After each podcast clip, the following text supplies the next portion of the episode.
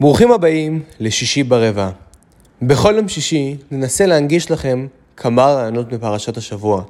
והשבוע, לכבוד יום העצמאות ופרשת אמור, הרב נתנאל מארח את פרופסור מעוז כהנא. וכאן כאן גם המקום להגיד תודה למשה שוורצברג על העריכה וההפקה של הפודקאסט.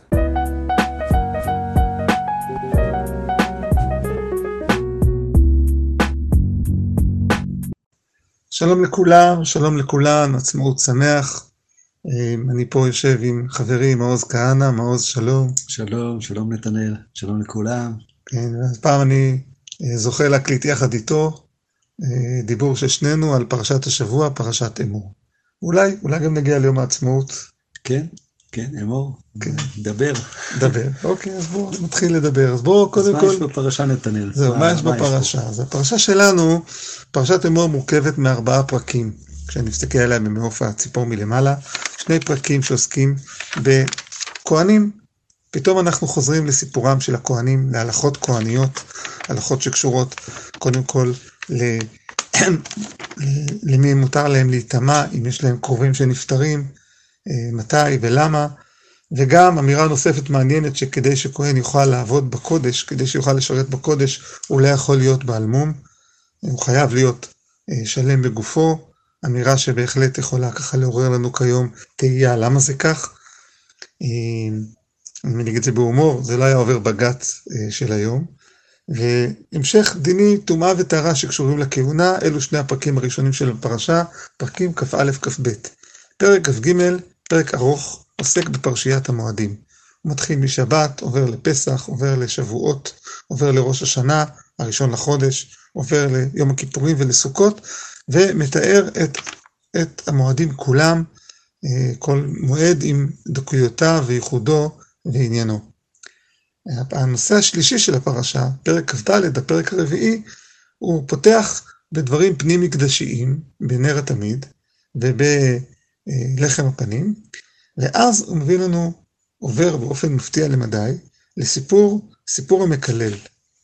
איש, בן אישה ישראלית, שהוא בן איש מצרי, מקלל, ויקוב את השם ויקלל, אירוע מטלטל, שמים אותו במשמר, לדעת מה לעשות איתו, אירוע שכנראה אה, לא קרה, לא מוכר, לא יודעים כל כך איך להתייחס אליו, ויש את הדיבור, וידבר השם אל משה, אה, מה, מה לעשות עם המקלל, ולאחר מכן אה, יש הרחבה בנושאים שהם קשורים למה קורה כשאדם מכה את חברו, מה קורה כשאדם מכה שבר תחת שבר, עין תחת עין, שן תחת שן, ועוד כל מיני דברים שקשורים לבן אדם לחברו.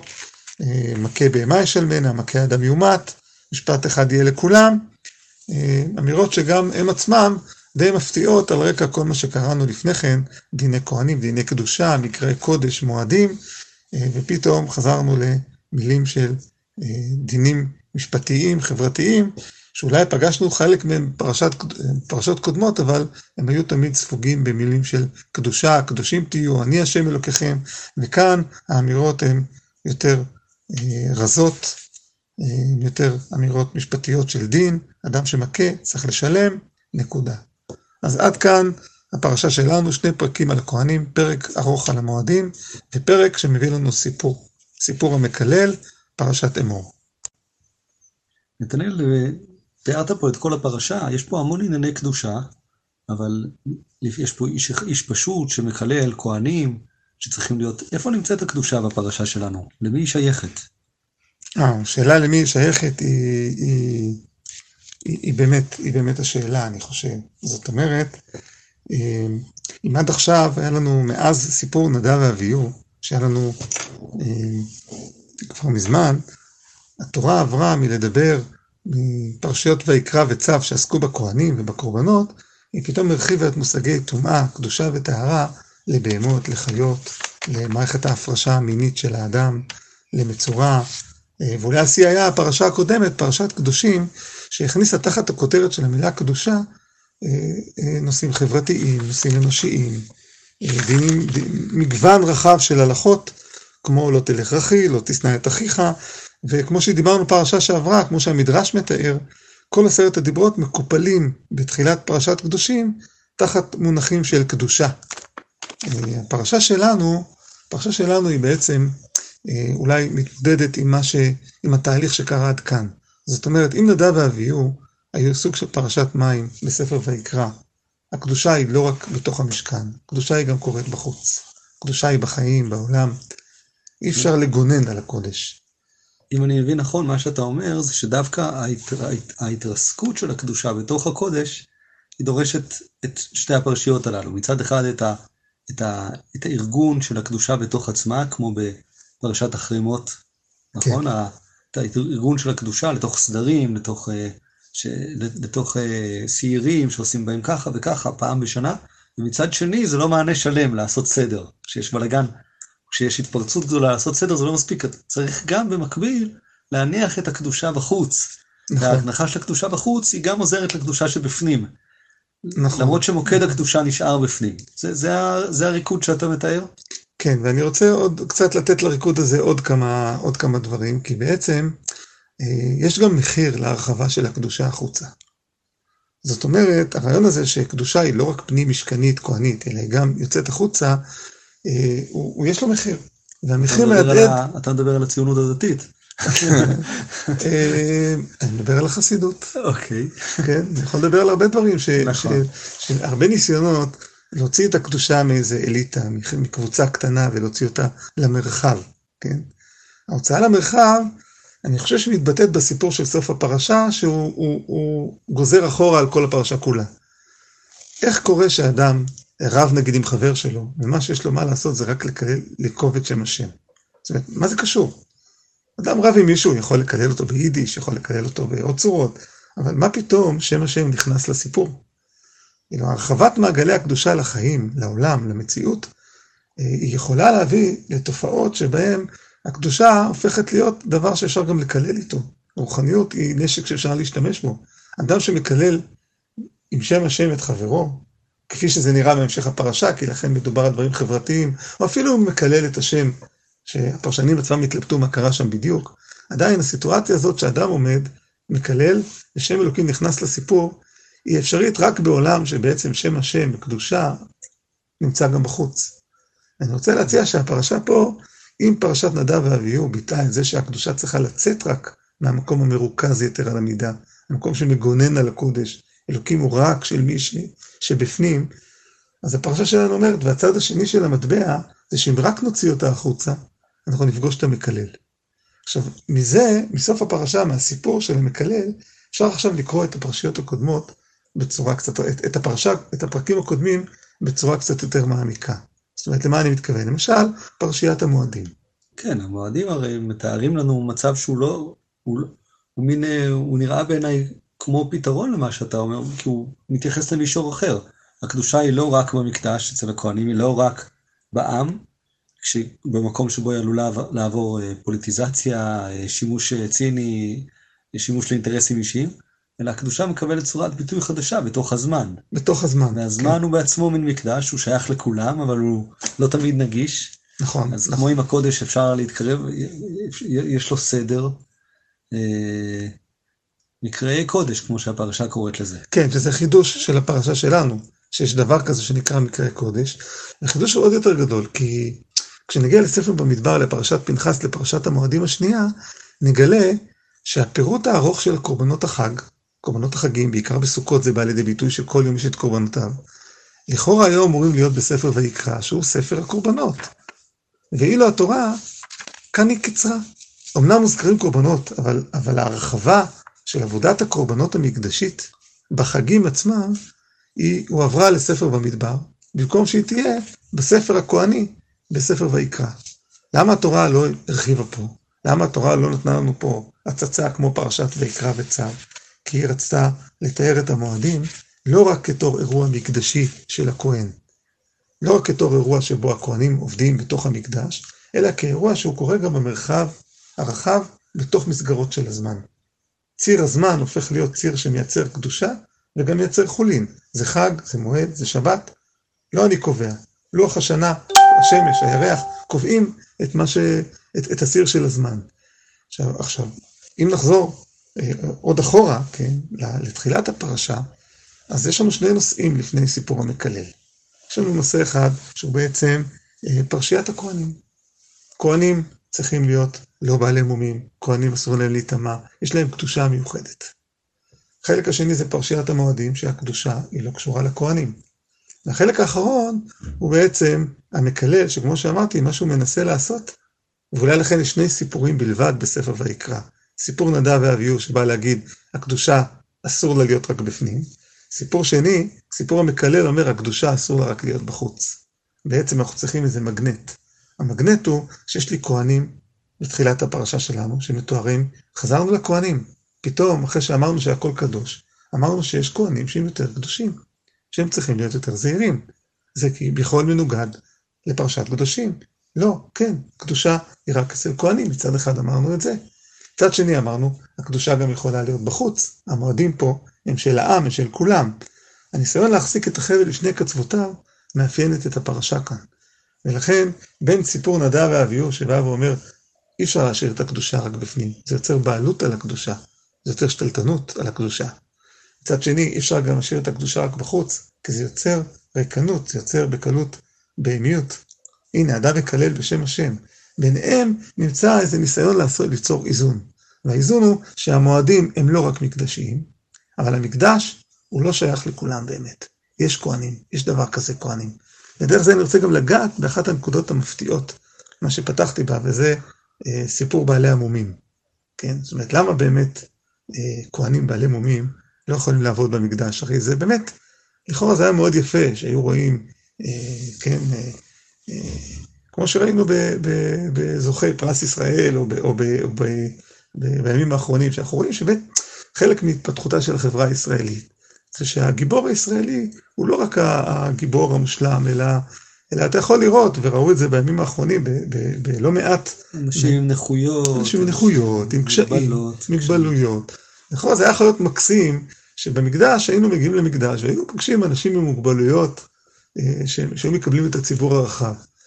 אה, אז קודם כל השאלה היא יותר טובה, אני חושב, מהתשובות שאני יכול להציע, אבל תשובה אחת שאני כן רוצה להציע אותה, והיא גם אולי על סמך החוויות של הנסיעות והשיחות שלנו על מירון ועוד מקומות. כן.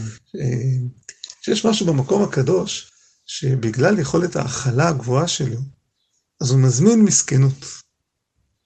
כן, הוא מזמין את, ה, את, ה, את האנשים אה, שהם לא מצאו את מקומם בנורמטיבי. וכשאדם לא מוצא את מקומו, אז הוא הולך. איפה הוא נשאר? אה, איפה שהוא מוצא את מקומו. אז איפה המוזרים מוצאים את מקומם? אה, במקום שנותן להם מקום. ומה המקום שנותן להם מקום? מקום שהוא, שיש בו מקום, שיש בו הכלה. עכשיו, זה דבר קסום. דבר קסום שאתה, כשאתה מבין אותו, אז אתה יכול להבין חלק מהסוד של המקומות האלה. זאת אומרת, נתב"ג מזמין, נמל תעופה מזמין אנשים נורמליים, כולם מסודרים. כרטיסים. עם כרטיסים, כן, אף אחד לא יעמוד, אולי רק בנסיעות לאומן בזמן הזה, אבל לרוב אף אחד לא יבקש ממך צדקה. צדקה לקנות כרטיס. כן, כן. כן. אבל כשאתה מגיע למקום של קדושה, אז אתה מיד רואה שכל המסכנים נמצאים שם. אה, ואז יש כאן אולי איזו אמירה סמויה שאומרת, אנחנו יודעים שקדושה מזמינה מסכנות. אבל אנחנו לא רוצים שהשה של הקדושה יהיה שקדושה שווה מסכנות. קדושה שווה בריאות. אדם קדוש הוא אדם בריא, אדם קדוש הוא אדם שלם, הוא אדם שמח. זה נכון שהקדושה מכילה גם את המקום שהוא לא כזה, אבל אם החזות של המקדש הייתה מיד, מיד המסכנות, אז האדם הבריא, או האדם השלם, היה חושב שאין לו מה לחפש שם. ובעומק אנחנו יודעים שיש לו הרבה מה לחפש שם.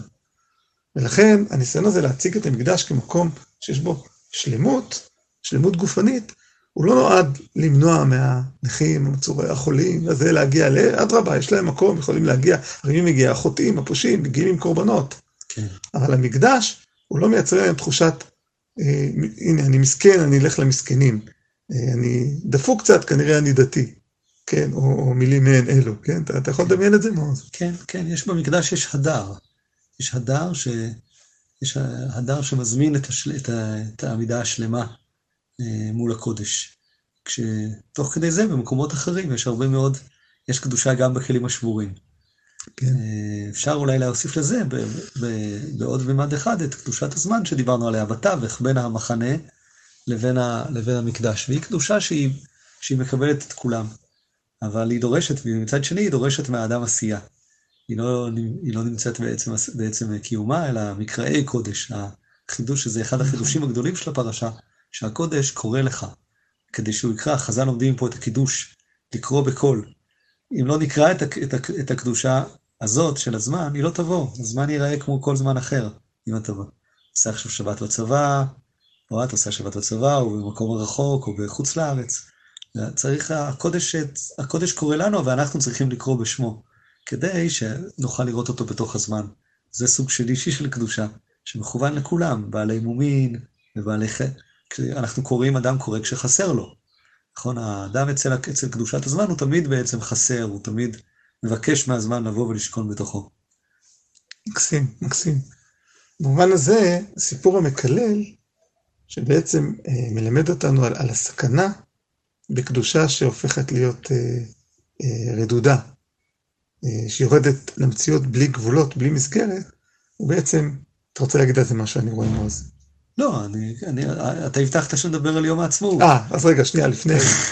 לא, זה קשור. אני רוצה לומר, הדילמה הזאת של הקדושה היא חלק מהדילמה שלנו היום בתוך, בתוך, ה, בתוך החברה הישראלית, בתוך המדינה. עד כמה הקדושה הופכת להיות מעשית, אבל כשהיא הופכת להיות מעשית, היא גם עלולה להפך פוליטית מאוד, כן. לעצר את עולמנו, כן. להיות כלי שבו מתווכחים על משהו שהוא... אידיאולוגי, כוחני. מאוד, מאוד כואב לאנשים, אבל הוא בעצם לוקח את הקדושה למקום שכבר היא בעצם רק כוח פוליטי, לבין ה- היכולת להתכוונן אל הדברים הגדולים, לקרוא, כן. אה, לקרוא קריאות גדולות, לתאר מול העיניים חזון של חברה טובה יותר וצודקת יותר, עולם יותר נעלה. אלה מקראי השם, מקראי קודש, אשר תקראו אותם. איך אנחנו, הקדושה יכולה... הנה, במובן הזה יום הזיכרון הוא סוג של מקרא קודש של החברה הישראלית. נכון. החברה הישראלית קראה ליום הזה יום הזיכרון, יש תיאור מאוד יפה של הרב גורן באוטוביוגרפיה שלו, שהוא מתאר איך הקביעה של יום הזיכרון בצמידות ליום העצמאות היא קרתה בעצם במקרה, בטעות כמעט. אז זה וזה, וניסו וחשבו, ואולי נעשה את זה בל"ג בעומר, אבל זה לא מתאים, זה, אולי נעשה את זה ביום כיפורים, אבל זה... ובסוף פתאום נגמרה השנה והגיע יום העצמאות, אמרו חייבים לעשות גם יום הזיכרון, אז אמרו השנה הזאת נעשה את זה יום אחד צמוד אה, ליום העצמאות. ואני יכול להבין גם שבשנים הראשונות לקום המדינה, באמת יום העצמאות, היה כל כך ממלא ברוח, בשעה רוח, בעוצמה, שבאמת זה היה מוזר לחבר את יום הזיכרון אליו. החגיגות של יום העצמאות לכשעצמם היו התרוממות רוח אדירה.